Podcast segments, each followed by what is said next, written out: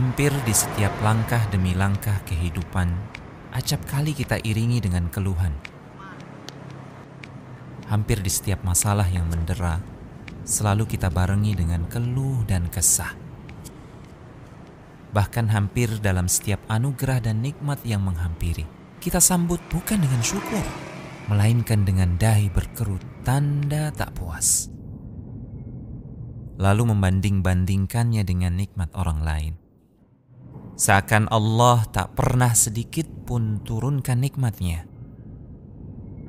Seolah tak ada anugerahnya yang pernah menyapa.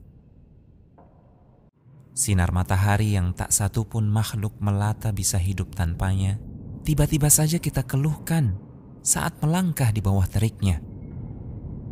Hanya karena kita tak pernah melihat bahwa di sisi kita ada yang lebih berat dalam melangkah, dan dia tak sedikit pun mengeluh, tunduk sabar, namun terus melangkah.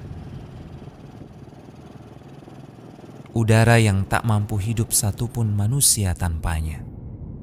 Tiba-tiba kita sepelekan dengan keluhan, dengan kerutan dahi, dan wajah yang muram. Hanya gara-gara panasnya cuaca atau gerahnya udara yang terasa. Tengoklah sejenak ke bawah, tataplah sejenak ke samping. Di kiri dan kanan kita ada banyak yang lebih berat memikul beban, lebih susah menahan derita.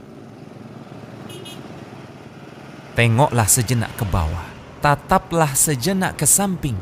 Tak sedikit mereka yang tak seberuntung kita, tak sedikit mereka yang mengharapkan posisi dan keadaan kita saat ini maka bangunlah dari mimpi hidup sempurna di dunia. Jalani hari-harimu apa adanya.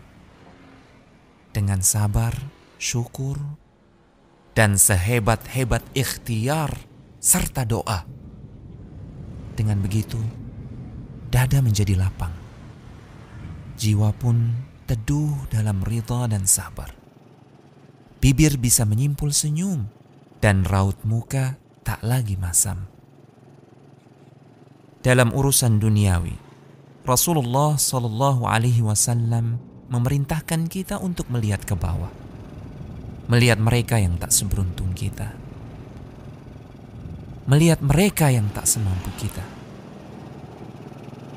agar nikmat Allah sekecil apa pun itu di mata kita tetap besar dan agung di hati sebagaimana layaknya. Karena pada hakikatnya tak ada yang kecil dari nikmat-nikmat Allah yang maha besar.